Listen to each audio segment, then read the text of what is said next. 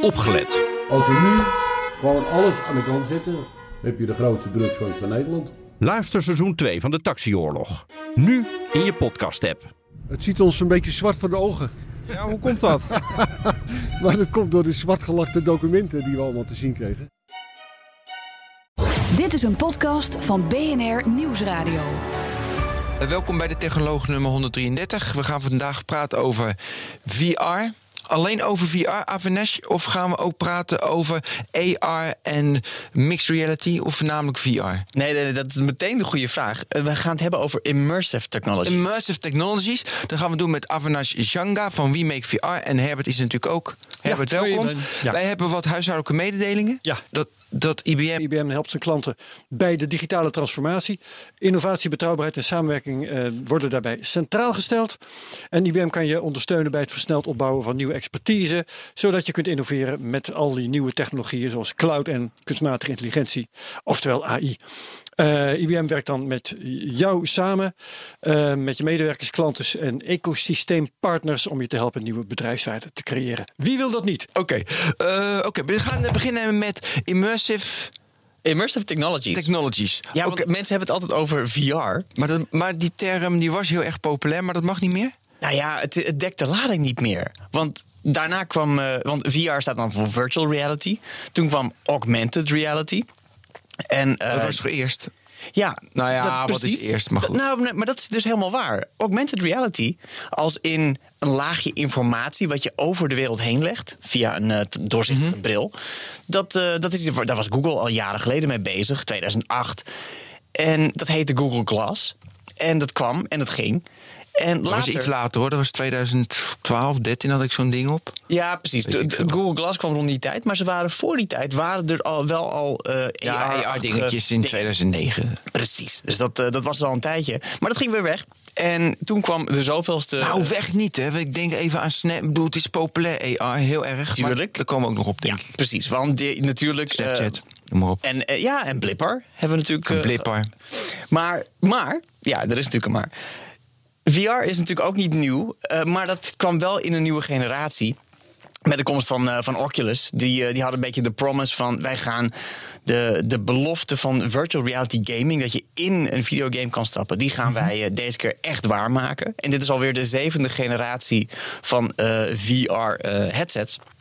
maar dat, daarvan dachten mensen. Nu, zitten we nu op de zevende? Zo ongeveer.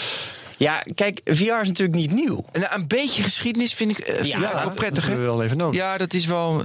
Je mag ook eerst je verhaal afmaken. Nee, hoor, en dan kijk, gaan we daarna die geschiedenis even. Want die geschiedenis is, is, eigenlijk wel, wel, wel relevant. Want waar mensen op dit moment denken van... oh ja, dat, dat hele VR-gebeuren is allemaal nieuw en spannend. NASA was in de jaren 60 al bezig met dit soort technieken. Ze dachten dat wil van, ik horen. Leuk. ja, ze dachten van hoe kunnen we astronauten nou trainen eh, voor ruimtemissies... zonder ze daadwerkelijk eh, aan een eh, raket te, strappen en, en, en in orbit te lanceren. Dus zij gingen dat al doen via simulatietechnieken. Het waren hele grote apparaten, hele zware dingen. Maar dan kon je dus wel nog steeds om je heen kijken in een computergesimuleerde omgeving. Dus je kon trainingen doen. En zo waren er in die tijd nog wel meer technieken. Er was bijvoorbeeld. eh, Maar kreeg je een helm op? Of je kreeg een, een, een- ja, je kan het bijna geen helm noemen. Nou het ja, was echt een bril. enorm. Nou, het was een je heel kreeg wel iets groot- op je hoofd. Niet dat je immersive ergens in stond.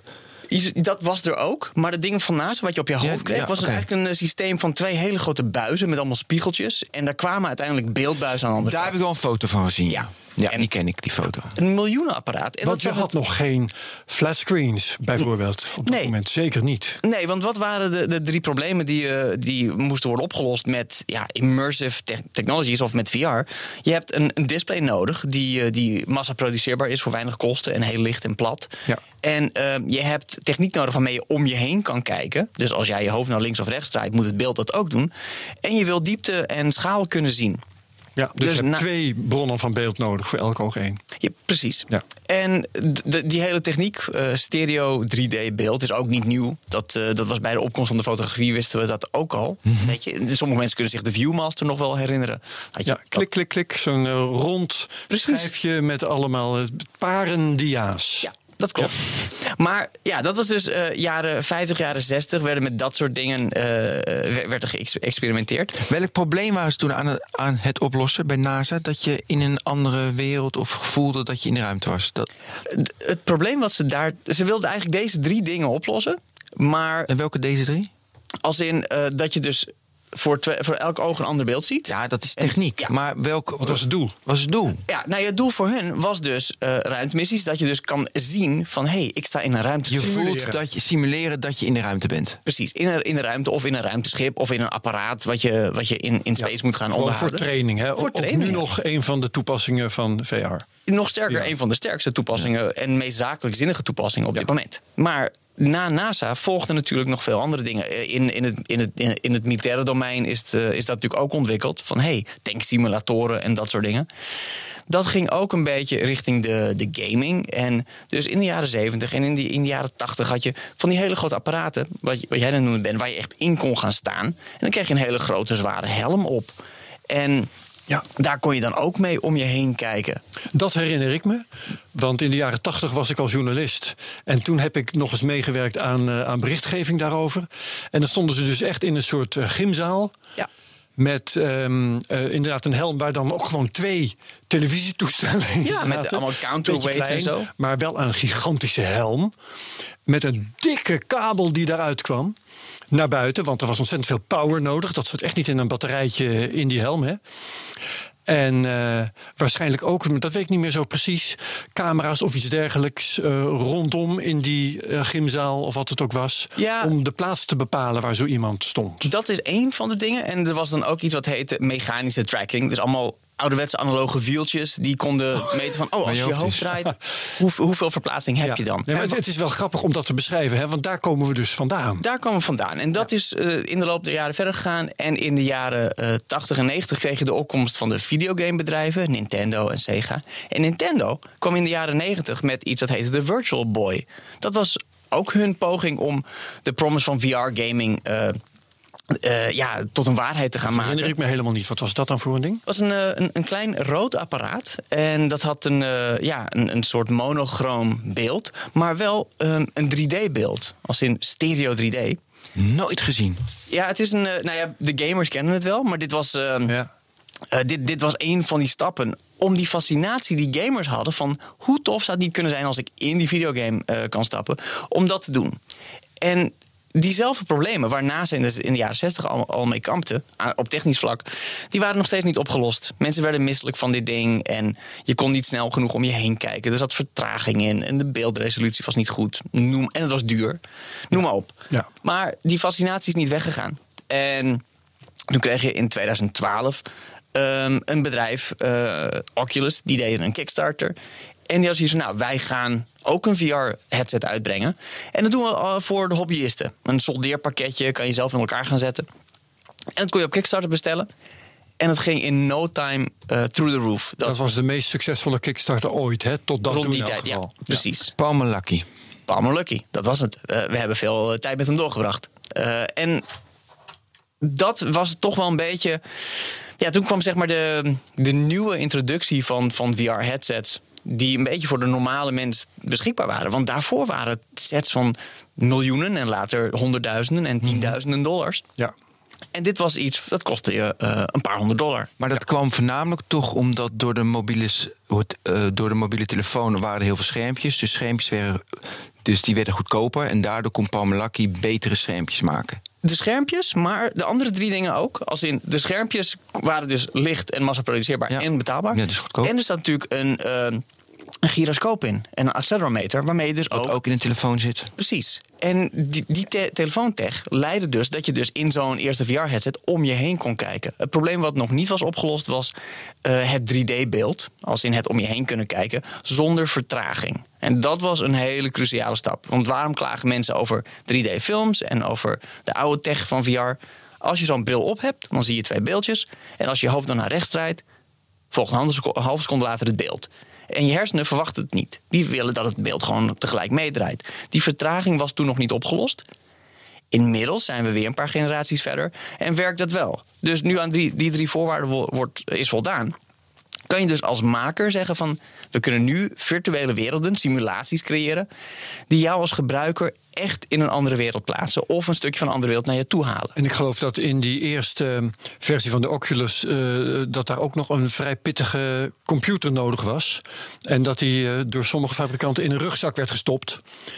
Eh, Dat klopt. dat? Ja, hè? Ja, het, het, het, Zo'n en dat is nog Alienware-ding, veel te duur. eh. Ja, natuurlijk. Het, en dat is nog steeds wel zo hoor. Als je high-end, eh, dus visueel, grafisch, hoogwaardige VR wilt, heb je nog steeds een hele stevige computer nodig. Maar die drempel is wel een heel stuk lager geworden. Nou, en ik, nu is net de Oculus Quest uit. Ja. En die, die heb jij bij je. ik zag al een etui liggen. Ik wist niet helemaal zeker of die daar nou in zou zitten. Maar ja dus. Ehm, en die heeft alles aan boord. De dus dan Oculus ben je Quest? ook van die, die kabel die, ik net, die ik net beschreef voor de jaren 80... waar data doorheen ging en power en misschien nog wel een paar dingen. Dat is nu echt verleden tijd. Ja, daar daar ben je vanaf. Eh, die kabel waren we eh, al wat eerder vanaf. Maar die, Oh ja, dat- het was eh, wifi-achtig. ja precies. Een, een speciale draadloze technologie om. Cardboard. Nee, Oh, stel je voor.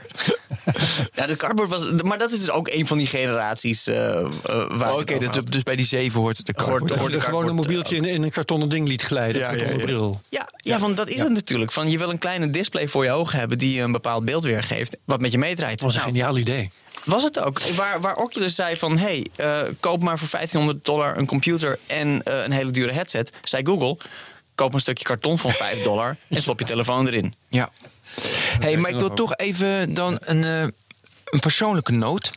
Kijk, ik, ik ben vanaf het begin, weet je, wij hadden de eerste demo-versie van die, eh, weet je, Oculus Rift, hartstikke leuk. En het enige wat ik leuk vond is dan, dat, weet je, meditatie, maar dat heb ik ook één keer gedaan. Ik heb thuis, wat heb ik liggen, die eh, van Samsung. De Gear VR. De Gear VR. En op mijn werk doe ik al af en toe de HTC, weet je. eh, eh, De Vive. De Vive. Maar ik, ik, Herbert, nee, het is, het is het niet geworden. Dus, weet je, dat is niet erg, hè? Want uh, technologie, ineens pak je het wel op 3D of niet. TV is ook niks 3D geworden. is ook niks. Maar het Ja. maakt niet uit, weet je, is prima. Ja. En nu hebben we dus de nieuwe. Maar ik, dus hij lag bij ons op het werk. Ik heb, hem, niet- ik heb hem niet eens opgepakt. Dus, weet je, en nu heb ik, ja, we Waar is moeten het... nieuwsgierigheid gebleven? Ja, nee, maar ik dacht van, pff, ik weer. eh, het, dus ik geloof het al niet meer. En dan, dus nu. Dus ik heb van, hey, VR, nee, moeten we geen VR meer noemen. We noemen het nu Immersive Technologies. En ik heb nu bijna van, hey, we gaan weer een nieuwe hype. Nu is het echt goed. Ja, maar, nee, maar nu, Herbert, nu is het echt goed. En over een, is dit ook weer niks. En over een jaar, nee, ja, maar, nee, maar nu.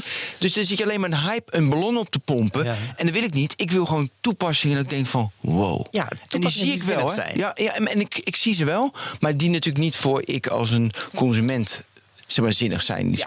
meer andere toepassingen. Nee, dat klopt. Er zijn heel veel verschillende domeinen waar, eh, waar dit soort technologieën relevant voor kunnen zijn. Maar als je het hebt over adoptie voor de gewone consument, Ja. dan moet je ook met een toepassing komen die voor de gewone consument relevant is. En dat moet dus of iets zijn wat je leven leuker of makkelijker maakt. eh, of dat je makkelijker kan leren. Of dat het, het moet wel echt iets toevoegen aan je leven.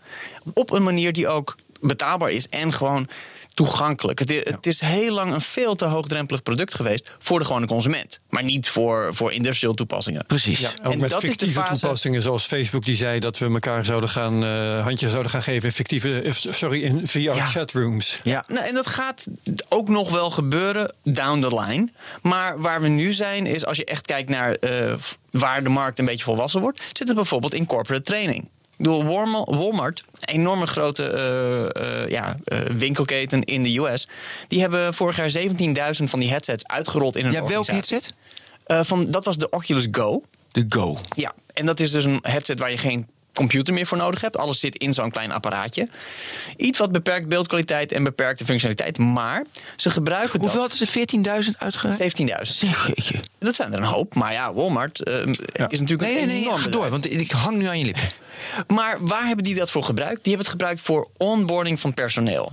En eh, training van personeel. Om te zorgen dat je dus minder trainingskosten hebt. Dat die training schaalbaarder wordt. Dat, ze, dat het personeel de, de kennis die ze overdragen langer blijft hangen. Beter wordt overgedragen. En dat blijkt ontzettend effectief te zijn. En dat bespaart hun echt klauwen met geld per jaar. En hoe zag die training er dan uit? Nou, ze hebben daar ze hebben een heleboel verschillende eh, trainingen gedaan. En dat was eigenlijk wel waar Walmart anders is dan veel andere bedrijven.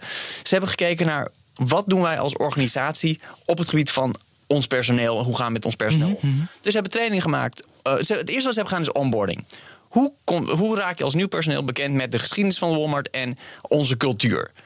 Daarna zijn ze trainingen gaan maken van. Ja, maar kijk, dan moet eh, een toegevoegde waarde van die bril van, Mhm. eh, er moeten zijn. Want anders kan ik gewoon, ja, gewoon YouTube kijken. 3D hier in beeld. Nou, Ja. daar, daar zeg je dus inderdaad iets heel goeds. Dan kun je gewoon YouTube kijken. Wat inmiddels eh, is gebleken, en dat is wetenschappelijk onderzoek. Stanford, Jeremy Belenson houdt zich daarmee bezig, onder andere. Als jij iets ervaart, wat goed geproduceerd is, in een VR-headset... dan raak je een ander deel van je hersenen aan... dan wanneer je gewoon iets bekijkt op een 2D-scherm. Geloof ik direct.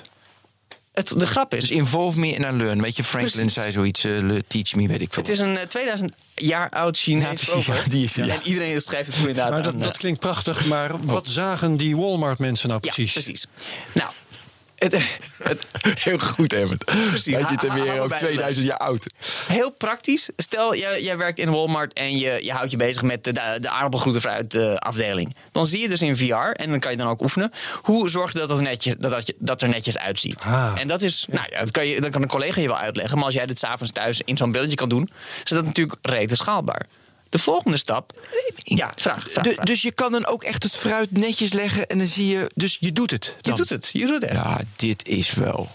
Ja, Nou ja, daar ben ik enthousiast over. Dit is dan heel, een, best wel een eenvoudige toepassing. Wat nou als je een klant hebt die niet blij is? Hoe de-escaleer je een boze klant? Hoe, hoe, hoe train je dat? Dat kan je natuurlijk in, eh, in rollenspellen doen. Maar dat kan je natuurlijk ook visua- virtualiseren.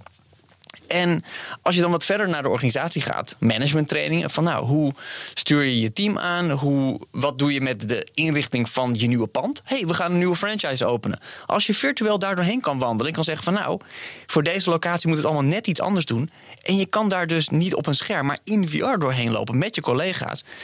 Dan ga je veel zinnigere beslissingen maken. En dat was best slim van Walmart. En ze kunnen niet meer terug. Ze willen niet meer terug. Want dit levert hun gewoon hard geld op. Ja, eh, ik ken de Oculus Go eh, niet, zeg maar functies en wat het doet. Het heeft wel eh, twee, eh, met je handen kan je het besturen. Eh, ook weer een goede vraag. De Oculus Go is wat dan heet een 3DOF, 3 Degrees of Freedom headset. Dat betekent dat je om je heen kan kijken.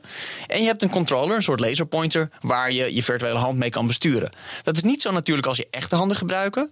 Maar dat is waar de Quest dan om de hoek komt kijken. Dat is een headset die ietsje verder gaat. En dan heb je handen die je ook echt kan gebruiken. Je kan dus rondlopen, je kan dingen oppakken, je kan dingen aanraken. Dus dat is het, het, het volgende modelletje. En dat is wat dan net uit is gekomen. Dus die hele eh, pakketten van trainingsprogramma's... die worden nu uitgebreid met meer functionaliteit. Dus Walmart heeft het beide gedaan. Ze hebben de Go gebruikt om het breed door de organisatie uit te rollen. Ze gebruikten de gewone Oculus, die dus aan de computer vastzit... waar je dus je handen toen al bij kon gebruiken... voor nou, ja, bijvoorbeeld die supermarkttrainingen. Dat wordt natuurlijk nu nog schaalbaarder... doordat je, doordat je dat in zo'n Quest kan stoppen. Geen computers meer nodig. Ja. Eh, hoe gaat dat proces? Want ik, ik kan me voorstellen dat, weet je, v- eh, weet je 17.000 uitgedeeld. Dat vind ik al veel. Maar dan die software schrijven, de bedrijfjes, bedrijfjes zeg ik expres, die met VR bezig zijn, immersive technologies bezig zijn, die zijn vaak kleiner. Walmart wil professioneel. Hoe is die match? De bedrijven die content maken, die zijn. eh, laat ik het zo zeggen, er zijn er aan het begin van de hype, 2013, zijn er ontzettend veel van dat soort bedrijfjes ontstaan. Ja. De bulk van die bedrijven bestaan niet meer omdat die toch zoiets hadden van... hé, hey, dit is een hype, we gaan snel geld verdienen... en we gaan cashen of voor een snelle exit. Is niet gebeurd. De bulk van die bedrijven die zijn geklapt inmiddels... omdat ze niet de langetermijn visie hadden. De bedrijven die over zijn... zijn bedrijven die wat serieuzer eh, in een specifieke niche zijn gaan zitten. Bijvoorbeeld training of corporate training of architectuur. En zijn het dan ook start-ups of bedrijven die al lang bezig waren met content in andere firms? Dat zijn veel start-ups. Eh, Dat zijn, zijn ja, veel nieuwe komers in de markt met een aantal uitzonderingen. Je ziet bijvoorbeeld eh, in de architectuur dat heel veel van de architectuurbedrijven VR heel vroeg hebben, hebben geadopteerd. En dat is bij hun een vast onderdeel van het designproces. Want zij werken al met eh CAD-software die compatible is met VR. Dan zie je ook in het, bijvoorbeeld het trainingssegment dat eh, er nieuwe markten ontstaan. Je krijgt dus kleine bedrijfjes die de techniek beheren. Die gaan samenwerken met bedrijven die gespecialiseerd zijn in goede trainingsprogramma's. Ja. Want de, de, de didactiek, de invulling van je educatief programma, dat kan je niet zomaar even leren. Ja. Moeten we het nog hebben over het verschil tussen 3D-animaties in VR Over- en, ook- en video? Ja. Ook een hele goede. Bij, ehm, Als het gaat om, eh, om wanneer je zo'n bril op hebt, het beeld wat je ziet kan dus inderdaad computer geanimeerd zijn, à een videogame. Of het kan eh, gefilmd worden. En dat heet dan een eh, 360 graden video. Nou, dat is een, eh, is een heel lastig ding. In een 360 graden video kan je wel om je heen kijken, maar je hebt niet zozeer het gevoel dat je daar echt bent. Als je dat gevoel wilt, dat gevoel van, van presence en immersion, zoals dat dan heet, dan wil je eh, 3D filmen, stereoscopisch filmen. En dat is nou net hetgene waarvan mensen heel snel zeggen van, oh ja, maar 3D in de bioscoop en voor tv heeft niet gewerkt. Dat gaat hier ook niet werken. Dit is toch een ander verhaal. Als je dat diepte-effect niet hebt. Kijk, mensen zien in de praktijk natuurlijk met twee ogen, waardoor ze schaal en diepte zien. Om een virtuele wereld believable te maken, wil je datzelfde natuurlijke proces ja, eh, op eenzelfde natuurlijke manier reproduceren. Dat kan met speciale gefilmde technieken. En wat je dus nu ziet, is dat die speciale 3D stereo gefilmde technieken worden samengevoegd met computergeanimeerde technieken. En als je die dingen bij elkaar gooit. En hoe film je die eerste, die 3D stereo gefilmde technieken? Want vroeger had je zo'n bol. Ja, het zo om, waarschijnlijk, al- vroeger praat ik over 2014, 2015. maar dat is lang dat geleden. Is, dat is eh, prehistoric. Dat is prehistoric, ja. Maar hoe gaat dat nu? Je hebt nog steeds hele speciale camera's met allemaal ingewikkelde lenzen en tech. En daar zijn verschillende stromingen in. Je hebt camera's die, eh, die plakken gewoon een aantal GoPro's in een rondje. Ja, die. Ja, dat gebeurt en het gebeurt nog steeds, gek genoeg. Dat is echt voor de hobbyisten. Dat is gewoon leuk om een beetje mee te experimenteren. Je hebt inmiddels een heel professioneel segment camera's. En dat zijn hele dure apparaten. Maar die simuleren dus wat het menselijke oog doet. En dat gaat dus niet alleen om de resolutie en omdat die lenzen op de plek van het menselijk oog staan. Dat heeft ook te maken met eh framerate. Met de snelheid van het beeld. Ja, hoeveel? Nou, je filmt minimaal met 60 frames per seconde. Dat, is- dat vind ik, daar schrik ik niet Dat is van. veel. Dat is, nou, dat is Nou, voor meer dat is, dan gebruikelijke Ja. televisie. Bij, Film. bij, bij film en tv heb je het over 24, 25 of 30 frames per seconde. Dus het is al twee keer zoveel, maar het is niet heel veel. Dus het is een eerste stap. Als je in de buurt wil komen van hoe mensen de realiteit eh, ervaren, Ja, moet je naar 100 hertz. eh 240 tot 320 hertz. Oeh, doe maar. Dus dat duurt nog eventjes. En je wil dat in combinatie doen met een hele eh, hoge resolutie. Als die twee factoren ja, beter worden, dan ga je een sterker gevoel van presence en immersion krijgen. Ja, maar nou, ik ga toch even terug naar die Walmart. Want Ja. ik ga nog steeds die groenten ga ik sorteren. Dat is allemaal 3D-animatie. Dat is. Of eh, filmen ze ook stukjes? Ze filmen ook stukjes en ze doen 3D-animatie. Om een, om een interactieve laag erop te krijgen. Afhankelijk van welk, welk soort training het omgaat. Want Als ik vroeg mij af, jij, jij noemde bijvoorbeeld het deescaleren van een situatie met een boze klant. Ja. Mijn vraag, want en, toen zei je, nou, als, als, je, als je dat voor elkaar krijgt, dan is het schaalbaar. Maar ik vraag me dan af, ehm, dat is iets waarbij de boom van mogelijke gebeurtenissen ontzettend groot is. Want eh, als die boze klant, die kun je mij gewoon als contentmaker voorschotelen. Die heeft een bepaalde, eh, een bepaalde uiting. Die hoef je maar één keer te programmeren. Maar dan kom ik al met een heel scala aan mogelijke reacties. Ik kan een goede reactie, een foute reactie, van alles daartussenin. Klopt. Dus eh, hoe doe je dat dan als contentmaker? Dan heb je het over wat dan heet branching narratives. Eh, en dat is ook wel iets wat vaker gebeurt. Nog sterker, Netflix die kwa- kwam vorig jaar met, eh, de, serie, met de Ja. Black Mirror episode Bandersnatch. Ja, dit was, dat is Daar zo het belangrijk. gehad, geloof ik. Hè? In elk geval in BNR Digitaal. Nou, dat Hier is. ook? Ja, nee, nee, meer. niet. Maar Bandersnatch is echt een essentiële film geweest. Dat was fantastisch. En we willen alle drie vertellen waarom. Maar ja, Bandersnatch is eigenlijk ehm, het oude Choose Your Own Adventure boek. Dus eh, zo'n boek waarin je een, een pagina leest en van... oh, je kan nu kiezen of je door een deur gaat of door de trap. Ga je de trap op, moet je naar pagina 324 gaan. En dan ga je bladeren en dan kijk je wat er dan gebeurt. Bij Bandersnatch kon je dat dus ook doen. Je kreeg een scène en er gebeurden eh, bepaalde dingen. En je kon als, als kijker een keus maken van... ga je eh, wel het conflict aan, ga je niet het conflict aan. En dat heet dan een branching narrative. dan kon je in een loop raken en daarna weer een andere mogelijkheid proberen. Je kon uiteindelijk uit het verhaal eh, veel verschillende, ongeveer 25 verschillende uitkomsten eh, ervaren. Maar Ja, waarom ja, was die film volgens jou belangrijk, Herbert? Ehm, ik, eh, het is moeilijk, het is alweer een jaar geleden of zo, maar eh, ik vond hem ontzettend goed gemaakt. Ehm, want ik heb een hekel eigenlijk aan verhalen waarvan dan wordt gezegd: ja, je bepaalt als kijker zelf de uitkomst. Daar ben ik eigenlijk heel erg tegen, want ik vind dat een verhaal goed bedacht moet worden en daarna aan mij moet worden verteld. En als het heel veel verschillende uitkomsten heeft, dan ga ik eraan twijfelen. Of hè, eigenlijk moet hem, als je een verhaal eh, hebt meegemaakt, moet je eigenlijk eh, ehm, daaruit tevoorschijn komen met het gevoel: het kon niet anders gaan dan zo. En dat zij, eh, de makers van Bandersnatch, dit eh, een verhaal met allerlei varianten zo hebben kunnen maken dat ik dat accep- accepteerde. Dat vond ik een geweldig, eh, Ja. eh, ehm, geweldig resultaat. Dat is precies de kracht ervan. Opeens is een publiek wat gewend is aan.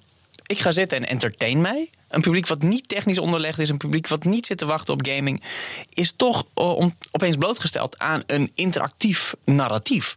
En aan een bepaalde manier van engagement met het verhaal.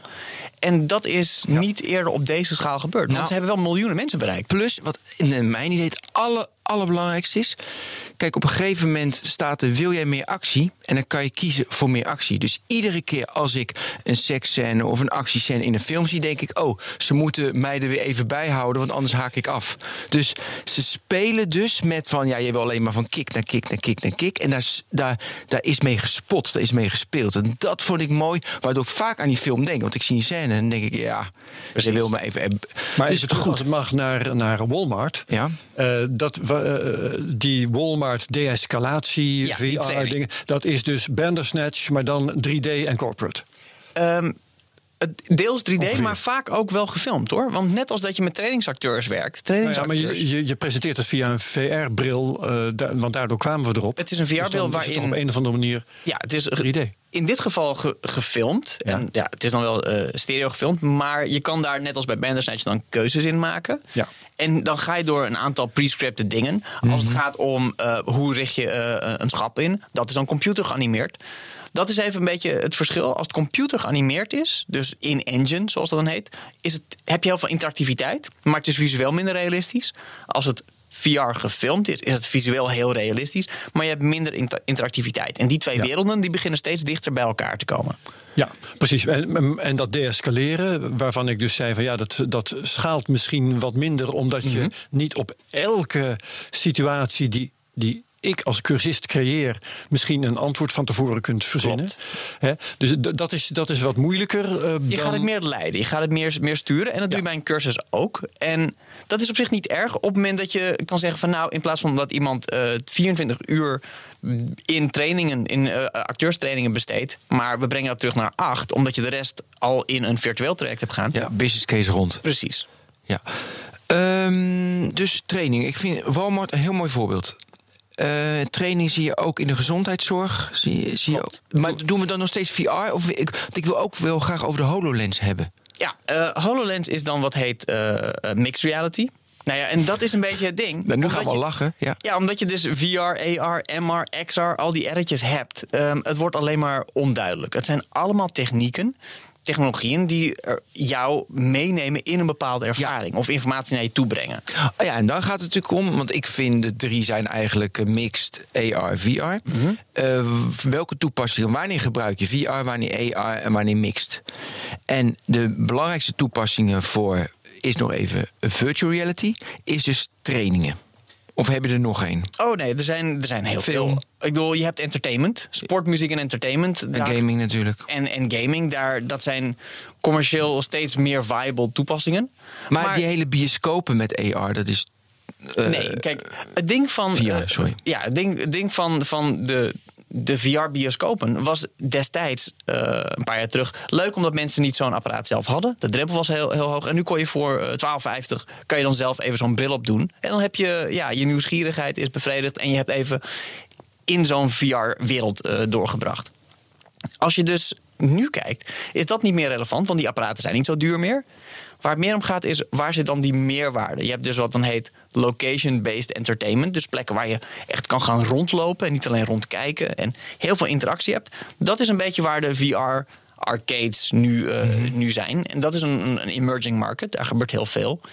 Maar als je het hebt over andere eh, ja, toepassingen. We zien het bijvoorbeeld ook veel in, eh, in de veiligheid gebruikt worden. We zien het veel in musea. Van hoe kan je een museum nou toegankelijker maken voor mensen die er fysiek niet meer heen kunnen? Of eh, hoe kan je studenten of jongeren die niet gemotiveerd zijn, toch al een beetje dat gevoel van het museum geven zonder dat ze er, voordat ze er echt heen gaan. Zodat ze iets hebben: hey, dit is gaaf, ik wil daar wel heen. Dus en nou zijn, komen we op een heel spannend gebied.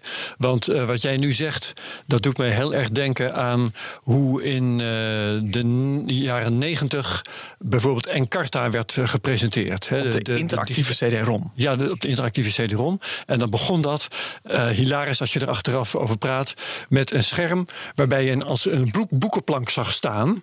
En dan kon je klikken op het deel van de A tot de E. weet je wel? Nou ja, dus, dus eh, dat werd helemaal gedaan vanuit. Eh, het, het beeld van de encyclopedie. Terwijl later kwam die grap, weet je wel, van eh, eh, het, het, het meisje dat aan opa vraagt: wat, wat, wat is een encyclopedie? En dat opa een heel ingewikkeld verhaal. Oh, je bedoelt eigenlijk Encarta, maar dan op papier. En tegenwoordig zouden we zeggen Wikipedia. Ja. Maar, dus jij, jij begint nu een vergelijking te maken met, met een oude technologie. En dan denk ik, volgens mij gaat een VR-museum er heel anders uitzien dan een museum nu. Absoluut. En Want je hebt veel meer mogelijkheden. Je kunt hele andere dingen gaan doen. We, we zijn eh, heel vaak gevraagd, onder andere door bibliotheken, van kunnen jullie onze bibliotheek niet virtualiseren? Eh, in de zin van, letterlijk wat je zegt, rond gaan lopen in een virtueel boek Ja. van een plank Ja, zo had je ook virtuele eh, winkelcentra. Weet je? Dan liep Ja. je dus echt door de gangen met je, met je muis navigerend. En dat is natuurlijk compleet onzinnig. Je hebt, een, je hebt een, het over een hele andere manier van communiceren. Je hebt het over de kernfunctie informatie delen. Dus waarom zou je dat op die manier presenteren? Als het om geschiedenis gaat, kan je toch veel beter op de veldslag staan Ja. Dan, dan erover lezen. Bijvoorbeeld. Ja, en dan is dat is natuurlijk gaaf, hè? Want dan sta ik op die, eh, sta, ik- dan sta ik daar. Maar dat maken, dat natuurlijk Walmart, die business cases rond, want je moet trainingen betalen Ja. in die 12, 8 uur, snap ik.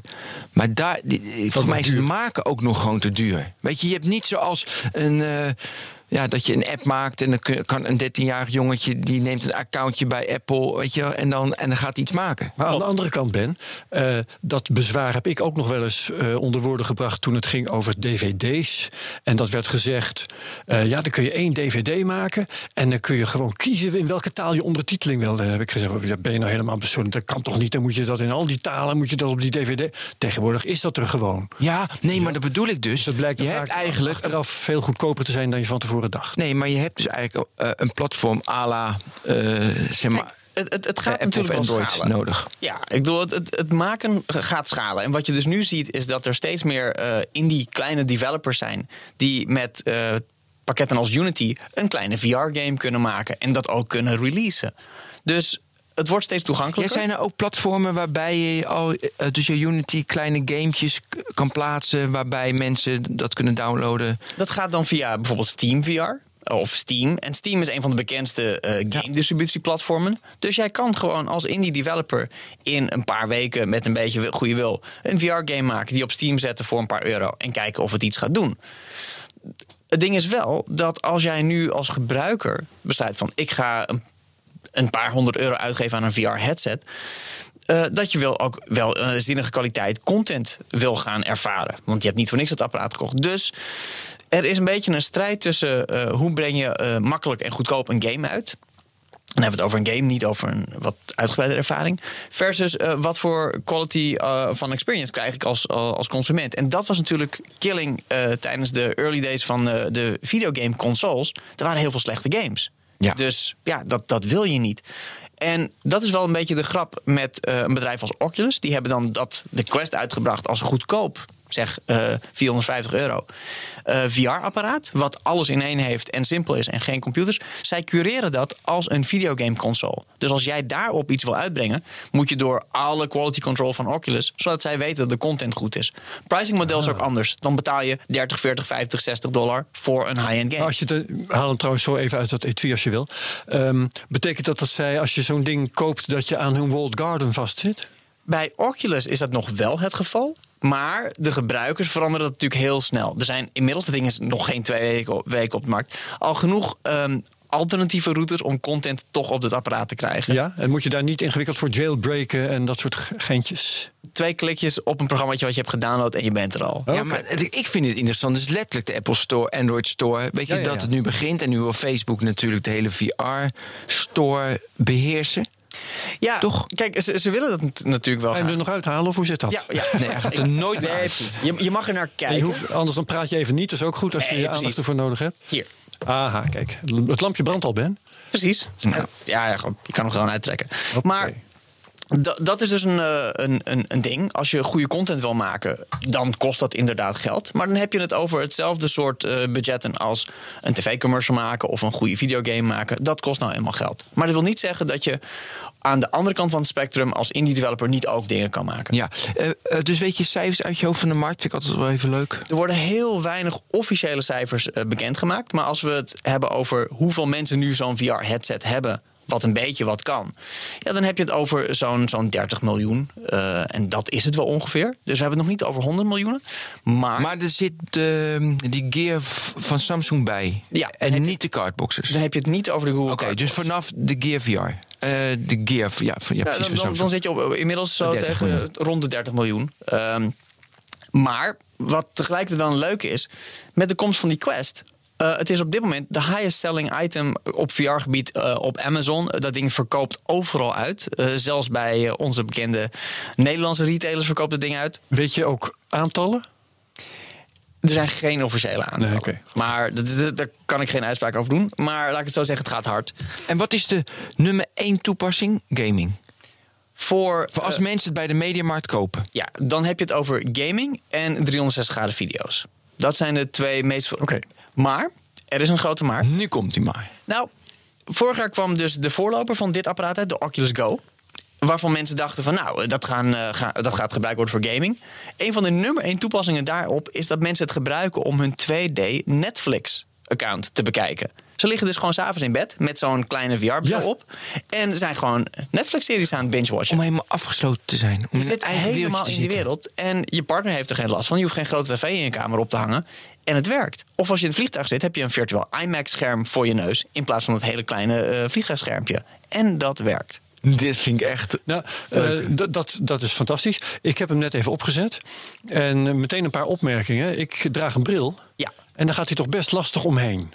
Ik, ik zag het je doen. Ja. Ehm, het is een beetje hetzelfde als wanneer jij een duikbril op zou doen. Die zet je ook eerst over je bril heen. En dan doe je het bandje over je hoofd. Als je eerst Ja. het bandje over je hoofd doet, dan wordt het een beetje lastig Nou, om binnenin is inderdaad net genoeg ruimte om die bril, eh, eh, zeg maar, een beetje ruimte te geven. Dus Er zit een spacer bij, specifiek voor mensen die bril dragen. dragen. Ja. Dus dat soort praktische dingen zijn inmiddels wel opgelost. En ja, god, eh, het is wel zo. Je moet gewoon een paar minuutjes even leren van hoe werkt zo'n apparaat. Hoe zet je hem prettig op? Ja, ja. Als het gaat om 360 graden video's, ehm, heb ik ook een wat gaming kan ik me helemaal voorstellen. Hè. Ik kan ook me voorstellen dat het daar erg functioneel eh, kan zijn. Omdat, ehm, eh, ja, het- eh, ik, ik zeg altijd, eh, een eh, bijzondere eigenschap van 3D is niet dat die eh, dingen makkelijker maakt. 3D maakt dingen niet makkelijker. Denk even aan dat 3D-winkelcentrum hè, of die 3D-bibliotheek enzovoort. Volslagen belachelijk als je met een zoekterm het goede boek kan vinden. Precies. Dat je door de 3D-schappen gaat lopen, dat maakt het alleen maar moeilijk. Ja, dat is onzin. Hè? Ehm, maar eh, wat wou ik hier, hoe wou ik hier naartoe? Oh ja, dus, dus bij gaming eh, kun je je verstoppen. En dat voegt toe aan de ervaring van gaming. Dus ik, gaming zie ik helemaal voor me. Ja. Wat voegt dit toe als het gaat om video? Als het gaat om het vertellen van een verhaal? Ah, nou, dan kom je op het eh, stuk. eh, Want als regisseur heb ik heb een verhaal te vertellen. Ik heb acteurs bijvoorbeeld. hè? Mhm. De, en dan wil ik dat op het moment dat, eh, dat ik iets laat zeggen door de hoofdrolspeler, dat mensen daar ook naar kijken. En dat ze niet hoeven gaan zoeken in 3D Mhm. waar die eigenlijk uithangt. Heel belangrijk punt. VR, als in ge- 360 graden video en een VR-film, is niet eh, een bioscoopfilm, is niet een tv-film. Het zijn twee andere media. Dus twee- het gaat gebruikt worden voor een ander soort verhalen. Het gaat om een heel ander soort verhalen. Net als Ja. dat, eh, je een, eh, dat een videogame eh, niet passief kan, Nee, nee, kan, worden. Maar wat voor verhaal dan? Dus, nou, essentieel waar het om gaat is dat de dynamiek tussen de regisseur en de kijker verandert. Waar jij het over hebt, een lineair narratief, heb je het over een regisseur en een kijker. Als je het hebt over immersive, heb je het over eh, een maker en een gebruiker. Iemand die te gast is in jouw wereld. Dus dan kan je het eh, hebben over videogame-achtige verhalen. Maar het kan bijvoorbeeld ook zijn eh, Game of Thrones. Wat nou als jij dus eh, zelf die muur kan beklimmen, in die lift omhoog kan gaan en zelf ehm, op weg kan gaan naar de White Walkers en dat met je eigen ogen kan zien? Of je zit Dus dan ben je een van de hoofdrolspelers. bijvoorbeeld. Dus je Nou, zit in een scène. je zit in een scène. Een concreter voorbeeld. Stel je zit thuis en je zit op je grote plasma of eh, AMOLED TV de nieuwe James Bond te kijken en opeens is er die car chase. En je hebt dan even die VR-bril op en je zit naast Bond in de auto, in die race, terwijl die kogels om je oren vliegen. Twee minuten later doe je je bril weer af en je zit er weer gewoon te kijken. Dat soort hybride vormen, waarbij je een bestaande filmformats gaat uitbreiden. ja. Is dit een idee of dit wordt al toegepast? Dit is een idee. Eh. We zien hier Dus wel. nou, dat nou, is niet helemaal waar. Voor Game of Thrones is het al gedaan. Eh, dat, dus het, dit, dit- dat James Bond ding, dat bedenk ik nu ter plekke. Maar er zijn wel al, eh, al, al dat, al dat soort dingen zijn natuurlijk al gedaan. Ja. Dus dat, eh, maar je hebt het ook over ehm, eh, films als. Nou ja, korte films. We hebben een film gemaakt dat heet Ashes to Ashes. Die heeft het hier in Nederland een Gouden Kalf-nominatie gekregen. En dat was een film die niet zozeer in een 2D-scherm verteld kon worden. En dat is eigenlijk altijd het criterium. Als je een verhaal hebt wat je op een 2D-scherm als in tv, bioscoop kan vertellen, vertel het in dat medium. Maar ja, wat is dat dan anders verteld? Want Nou, voor, eh, voor bijvoorbeeld deze film, Ashes. Dat is een verhaal en het gaat over eh, een, grootvader die is overleden. En het gaat over zijn rare laatste wens. Namelijk dat zijn as en ehm, zijn woonboot tot ontploffing wordt gebracht. En zijn familie is daar natuurlijk niet blij mee. Maar zijn, zijn familie nemen dus eh, die urn waar zijn as in zit mee. Terwijl ze aan het bakkeleien zijn over ehm, hoe zijn wil moet worden uitgevoerd. En je krijgt het verhaal vanuit zijn perspectief mee. Terwijl dit is dus niet een bestaan. zijn perspectief, als hij de pijp uit is? Precies, je, je kijkt het vanuit eh, zijn of urn. vanuit een godachtig eh, hoog. Letterlijk vanuit gaat de positie van de urn. Als De in- urn. Want hij Ja, zit in. Een, een urn waar zijn, waar zijn as in zit. Dit vind ik heel origineel. Dus dit vind ik zijn- helemaal zijn gaaf. kleindochter is de enige die echt naar zijn wens Is luistert. het een Die- komedie? het is tragicomedie. Eh, is Ja. het based on Ja. true facts? nee, Dat nee, niet. nee, nee, nee, dat, dat Leuk, helemaal leuk niet. gegeven. Ja. Maar, maar zo zijn er nog talloze eh, verhalen. En dat is eigenlijk het interessante. Er is nu een stroming gaande waarin over de hele wereld mensen, makers, creatieve eh, denkers worden uitgenodigd om hier concepten voor te verzinnen. Narratieve concepten, immersive, interactieve concepten. Dit is uncharted territory. De regels hiervoor zijn niet geschreven. Die ga je schrijven. Ik heb ook nog heel veel vragen. Gewoon, gewoon, gewoon echt vragen. Tuurlijk. Wat betekent het voor een mens om in een virtuele wereld te leven? Te leven als in permanent. Gewoon, nee, gewoon lang. Gewoon lang. Je zit, weet je, ik, denk, ik denk natuurlijk aan eh dat boek van Klein, eh, hoe heet dat? Ready Player One. Ja, precies, Ready Player One. Ik zit Maar- gelijk te denken aan, je, je kunt ehm, een misdadiger, die kun je veroordelen tot verblijf in de gevangenis. Zet je me gewoon een precies. ja, Ja, bril op en tralies. Ja. Een, een low-jack en een VR-bril op. Dat is, dat is een geintje. Nee, maar heb je erover nagedacht? Jazeker, er gaan ehm, ook steeds meer. Dit, deze techno- technologie gaat steeds meer invloed krijgen in, in het dagelijks leven. Ik zie hier bijvoorbeeld. ehm, ik denk niet dat mensen permanent in VR gaan leven. Maar het wordt wel een, eh, een, een veel, veel meer voorkomende. Maar word je schizofreen? Wat, wat, wat gaat het met je hersens doen? Wat betekent het voor het mens zijn? Ik denk dat je. ehm, als, eh, af- afhankelijk van wie jij bent, dat het je meer vrijheid kan geven. Als, in, als jij fysiek beperkingen hebt, dan krijg je wat van je vrijheid terug. Mensen die bijvoorbeeld ehm, eh, pleinvrees hebben en niet meer buiten durven komen. Daar zijn maar weinig effectieve therapieën voor. Middels VR, en dit is inmiddels al aangetoond, kan je bijvoorbeeld over een periode van zes maanden dat een beetje opbouwen. Je zit een dagje op een zonnige. Waarom zou je dat in de echte wereld niet kunnen opbouwen? Als jij pleinvrees hebt, Maar langzamer. op een, op een bankje gaan zitten, fysiek, naar buiten gaan, dat is een enorme drempel. Ja. Ja. Als jij in de safety en comfort van je eigen huis zit en je gaat op je eigen luie stoel zitten en opeens zit je op een zonnige zondagmiddag op een bankje in het park waar het stil is. Er zijn geen andere mensen. Een maand later doe je weer die bril op, ben je op een pleintje, er zijn met kinderen verderop aan het spelen. Twee maanden later. Oké, dus vrijheid. Het kan je meer vrijheid geven. Wat betekent het nog meer? Het kan je motiveren om bijvoorbeeld over eh, angsten heen te stappen of eh, nieuwe dingen te gaan ontdekken. Mensen die. Dus je kan je emoties omdraaien, trainen. Je kan je, je, kan je emoties veranderen. Je kan je emoties eh, beïnvloeden. Beïnvloeden. Eh, therapie bijvoorbeeld eh, wordt, het, wordt het al Ja. heel veel voor gebruikt. We hebben net een project gemaakt wat gaat om zorg voor dementerende mensen. Ja, nee, er was een internationaal bericht. Dat zag ik bij de World Economic Forum. Virtual reality can spot navigation problems in early Alzheimer Precies. Ja. disease. Ja. Vond ik wel een mooi verhaal. Dat, dat is het ook. En dat soort toepassingen, dat zijn echt dingen die, die je leven kunnen verrijken. Die problemen kunnen wegnemen. Oké. En daar zit, ja, daar zit levensverrijkende waarde. En dat is denk ik eh, een heel belangrijk domein. Mhm. Ik heb nog een vraag. Ehm, wat heeft de industrie nodig om meer tractie te krijgen? Ik ga nu echt gewoon vragen stellen. Dat vind ik gewoon een leuke keer. Ja, wat... Eh, Dat is niet anders dan als elke andere eh tech-industrie. Eh, price of entry moet laag genoeg zijn. De functionaliteit moet toegankelijk genoeg zijn. En het moet voldoende waarde bieden. Dus wat het nu nodig heeft, is voor de gewone consument zinnige content, zinnige toepassingen. Je zei het net, net zelf al.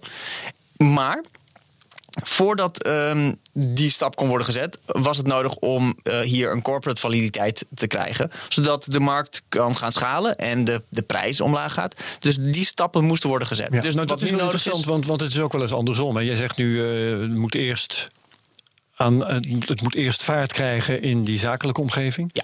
En dan gaan eh, mensen dat meenemen naar de huiskamer, bij wijze van spreken. Of gaan ze dat ook in hun huiskamer willen. Het is ook wel eens andersom geweest. hè. Bij, van WordPerfect herinner ik me dat dat pas houvast kreeg op de zakelijke markt. Toen iedereen thuis een illegaal kopietje had. En ze het ook eh, op, de, op het werk wilden gebruiken. Het kan twee kanten op gaan. Je ziet natuurlijk wel heel vaak dat grote technologische toepassingen, vanuit in de US in ieder geval, vanuit het militaire apparaat waar funding is, worden doorontwikkeld en dan gaan schalen en dan steeds eh, goedkoper worden. Weet je, de, de platte displays waren vroeger ook onbetaalbaar voor de gewone gebruiker. Ja. En ja, dat is nu gemeengoed. Ja. Waarom is de promise van de laatste jaren niet ingewilligd? De promise als in van nu gaat Pff, ik heb die grafieken gezien, het was Ja. niet normaal. Ja, precies. Die, die Gartner hype cycle van oh, nu gaat het gebeuren. Om de simpele reden dat eh, het nog niet goed genoeg was. Als in, het was te duur, het was niet gebruiksvriendelijk, er was geen goede content. Al die basisvoorwaarden Ja. was nog niet aan, aan voldaan. Het ding is wel, als jij zo'n bril opzet als individu, dan heb je van. Oh mijn god, dit gaat alles veranderen. Ja. En dat is ook wel zo, maar niet overnight. Wat ik wel vaker zeg, en dat eh, wij, we, we lopen geen, het is geen sprint die we trekken, we lopen een marathon. En dat is de mindset die je nodig hebt als je in deze industrie stapt. En je hebt net, ehm, ik weet niet meer precies hoe jij het zei, maar volgens mij zei je wel van, eh, dat er eh, aan deze Oculus Quest ook nog wel iets te verbeteren eh, viel. Ehm, ik weet zelf ook wat, want hij is besproken door mijn collega Thijs Roes in BNR Digitaal. En eh, die heeft verteld dat vooral op het, ehm, de resolutie nog wel is beknibbeld in deze versie. Klopt dat? De resolutie is niet zo hoog als eh, een, een, een duurdere desktop eh, eh, aangesloten, dus met een kabeltje Ja. type headset. Ja. En dat, is, dat is, en dat is helemaal waar. Maar dat is iets wat, wat je natuurlijk altijd blijft, blijft krijgen. Het hangt ook wel erg af van de content. Als jij in een beleving zit, een, een verhaal wat, jij, wat jou meesleept, ben je die paar pixels minder ben je binnen een paar minuten vergeten. Dat is waar. Dus content is en blijft king. Als Zeg dat niet goed is, film in zwart-wit is ook gewoon nog steeds een is nog goede steeds een film. goede film. Precies. Eh, moet, we moeten, want we hebben het weinig over immersive. Ja, immersive, dat is natuurlijk VR. Maar we hebben het weinig over AR en mixed gehad. Ik wil toch Magic Leap nog even noemen. De eh, HoloLens en Magic Leap. ehm, de mixed reality headsets. Misschien voor de mensen die het niet weten, even iets meer Magic Ja. Leap. eh, funding van meer dan een miljard. En eh, heel, veel, heel veel promise. Wat Maar is de uiteindelijk- grap? Ehm, met Magic Leap was een beetje het idee van... als je dat ding opdoet, dan gaat... Nou ja, je stapt in een wereld van science fiction. Je gaat hologrammen om je heen zien en, en alles is... Een olifantje op je hand, ineens een haai in een uh, gymzaal. Precies. Noem maar op. Een wa- Een walvis was het in, in dit geval inderdaad. Oh ja, walvis was het. eh, waren hele toffe hype-video's, Ja. maar ze waren grotendeels nep. Maar ze zitten wel op ehm, wat bijzondere technologie. Wat eh, Magic Leap doet, al, en dat is dat ze dus... Als je kijkt naar augmented reality, krijg je een laagje beeld, à la Pokémon Go, over de werkelijkheid. Met ehm, Magic Leap, wat dan heet mixed reality, zitten virtuele objecten geïntegreerd in de wereld. Dus een virtueel karaktertje kan eh, achter de bank gaan schuilen en daar, daarop eh, op duiken. En dat is dan de bank in jouw woonkamer. Het, het ding is, eh, ze hebben ontzettend veel investering gehad. Omdat mensen een glimp hebben gekregen van de techniek eh, waar ze mee bezig zijn. Ze kunnen dat nog niet schalen. Ze zijn nog niet op het punt dat ze de kwaliteit die je in die vi- video's ziet, als in die, die walvis door die gymzaal, dat ze dat op schaal naar de consument kunnen brengen. Maar de developersversie is nu uit. De developerversie is nu uit en die was teleurstellend.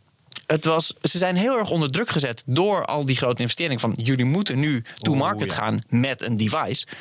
Ja, dat hebben ze gedaan. Eh, en daar merk je gewoon aan, het is nog niet klaar voor de markt. Maar ze deden toch ook iets met je ogen, dat ze schenen in je ogen of zo? Wat de Magic Leap doet, is ze kijken naar, eh, naar, naar je ogen. En proberen het beeld helemaal op jouw oogpositie af te stemmen. Waardoor dingen ja, echter lijken of meer in de werkelijkheid lijken te passen.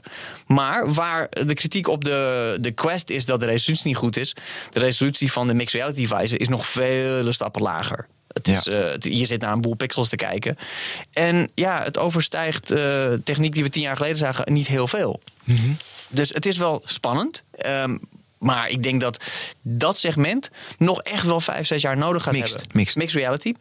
Voordat het ehm, voor de consument interessant wordt. Voor training, voor Ja, corporate toepassingen, is het wel al heel erg zinnig. Stel, jij werkt op een. ehm, eh, op, een, op een boorplatform om eh, schone energie windmolens te plaatsen. is het een idee of wordt het Dit, is- gedaan? dit wordt gedaan. Juist. Dit, dit is een, een- dit is een Ja, ik wil dat gedaan Ja, dit, is een, dit is een praktijkvoorbeeld, nog sterker een praktijkvoorbeeld dat wij maken. Eh, je staat dan op een omgeving, je staat voor een machine en je weet niet hoe dat apparaat werkt. Nou, dat kan je natuurlijk in een videootje bekijken. Maar als jij zo'n eh, mixed reality bril op hebt en je ziet een pijltje van, oh, druk nu op deze knop. eh, en je ziet een animatie van, oh, je moet nu eh, eh, deze deur openmaken, et cetera. Dan hoef je dat eh, niet allemaal van tevoren te leren. Je krijgt training on the job zonder dat er per se iemand bij je staat. Dat zit allemaal in dat kastje. Daar maakt die beperkte resolutie niet uit. Want het hoeft geen mens te zijn die je ziet. Het gaat op een, op een machine. Hoe repareer je een auto wat je, die je nog nooit onder, onder handen hebt gehad? Dus het maakt kennis heel erg direct eh, toegankelijk en heel erg schaalbaar. Maar dit zijn wel apparaten die zo'n 3.500 euro per stuk kosten. Ja, maar in zo'n businessomgeving snap ik dat wel. Maar bijvoorbeeld als jij dan zo'n boorplatform en je moet die software schrijven. Wat, hoe, hoe duur is dat dan voor, weet ik welk bedrijf, Shell of Exxon? De gemiddelde eh, high-end eh, e- mixed reality toepassingen, zoals waar jij het over hebt, nou, dan heb je het over eh, anderhalf tot 2,5 ton. Weet je, dat, kan, dat, dat, dat, dat is voor dat soort bedrijven best acceptabel.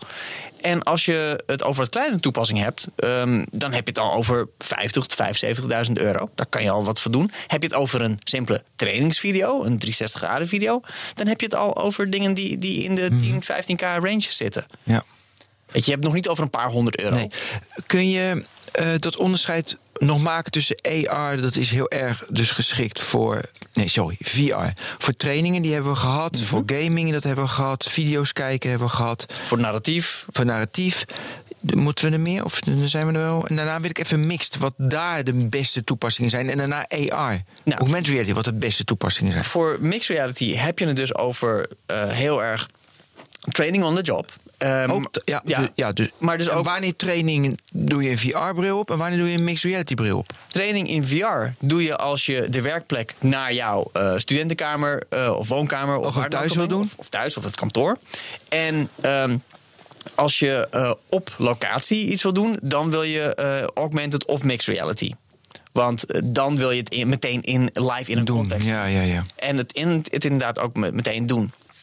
En het moment dat je dus meer behoefte hebt aan eh, visu- een visueel rijkere ervaring, dan is VR dus heel zinnig. Dus dan heb je het bijvoorbeeld over menselijke interactie. ehm, of hoe is het om eh ambulancemedewerkers? Hoe is het als je opeens tien boze mensen, voetbalsupporters om je heen hebt staan en jij moet je werk doen? In een computersimulatie is dat een heel ander verhaal. En aan de andere kant, als jij eh, een ambulancemedewerker bent en je hebt een, iemand met een bloeding voor je liggen en je weet niet wat je moet doen, en je hebt een, een mixed reality headset of een augmented reality headset, dat je informatie over die patiënt krijgt en van, oh je moet hier de bloeding stoppen, of een collega kijkt door die mixed reality headset live mee, Ja. die kan je assisteren. Dus dat is heel erg on the job, dat is heel erg op locatie. En dan heb je het over AR en mixed reality. Ja, en, en ehm, nou is Oculus al een aantal jaren geleden, was het 2014, geloof ik wel, eh, door Facebook gekocht. 2 miljard. En toen was er eigenlijk nog niet eens een product, hè, als ik me goed herinner. Toen was het het eerste prototype. hè? Prototype, precies. Ehm, en niemand begreep wat Facebook daar nou eigenlijk mee moest. En volgens mij begrijpt nog steeds niemand dat, of jij wel.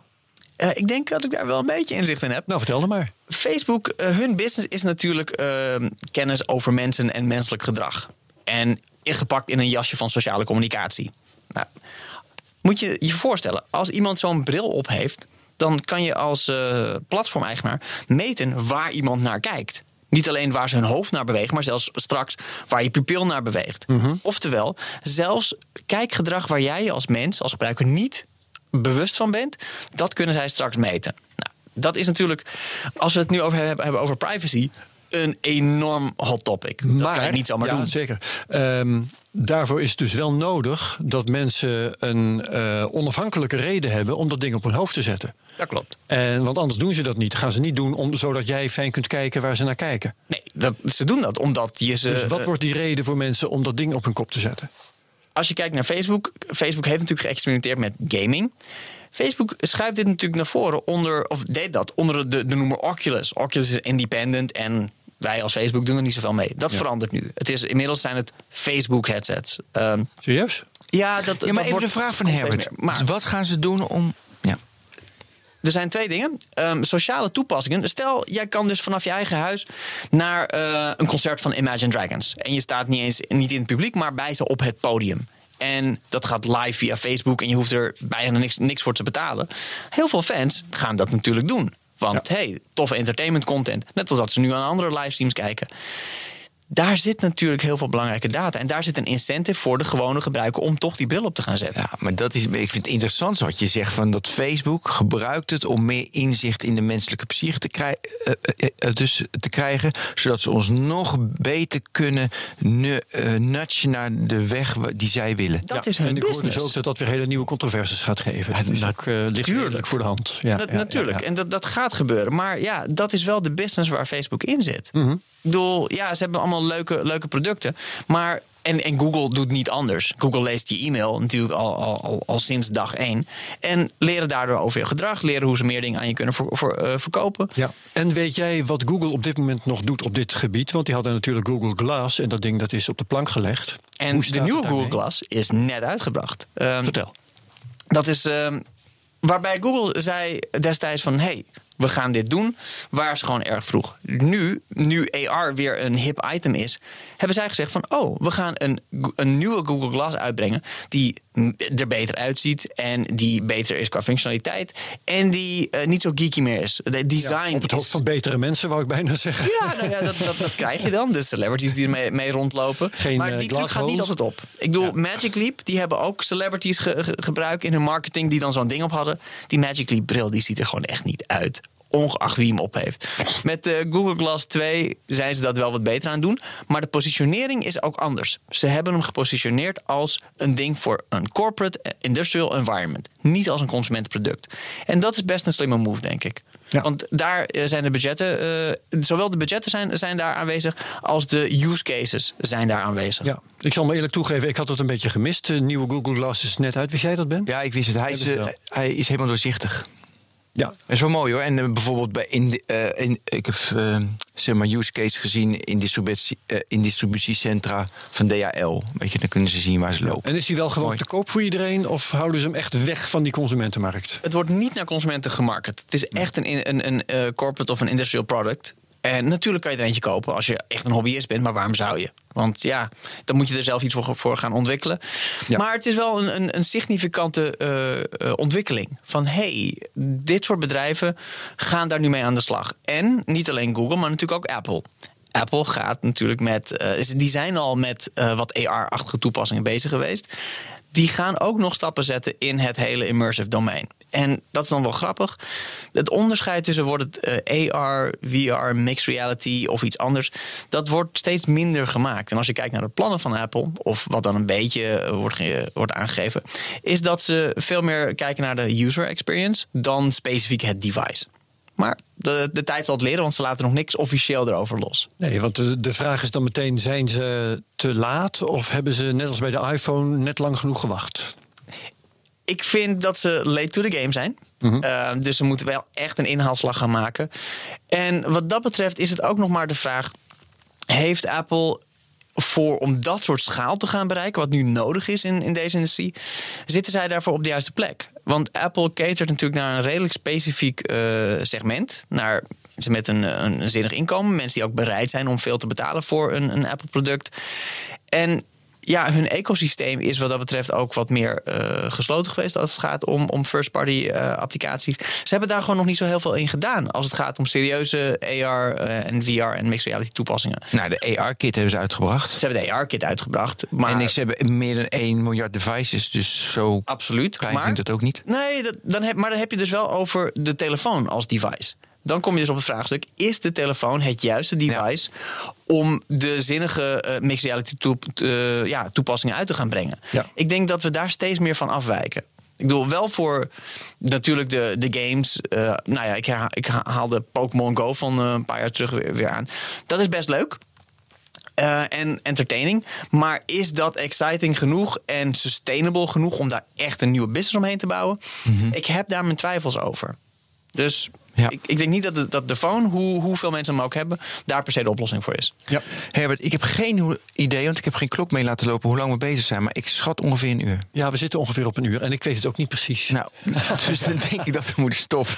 Ja, ja, we, we kunnen hier nog uren over doorgaan. Ja, precies. Dat wel. Oké, okay, dit was de Technoloog 133, Avanis Huachanga van WeMake VR. Bedankt. Herbert bedankt. Ben bedankt. Ben Tot bedankt, de volgende Technoloog. Doei. Doei.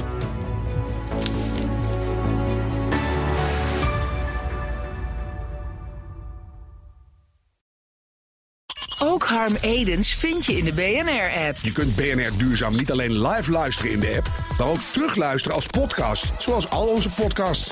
En naast dat de BNR-app Breaking News meldt, houden we je ook op de hoogte van het laatste zakelijke nieuws. Download nu de gratis BNR-app en blijf scherp.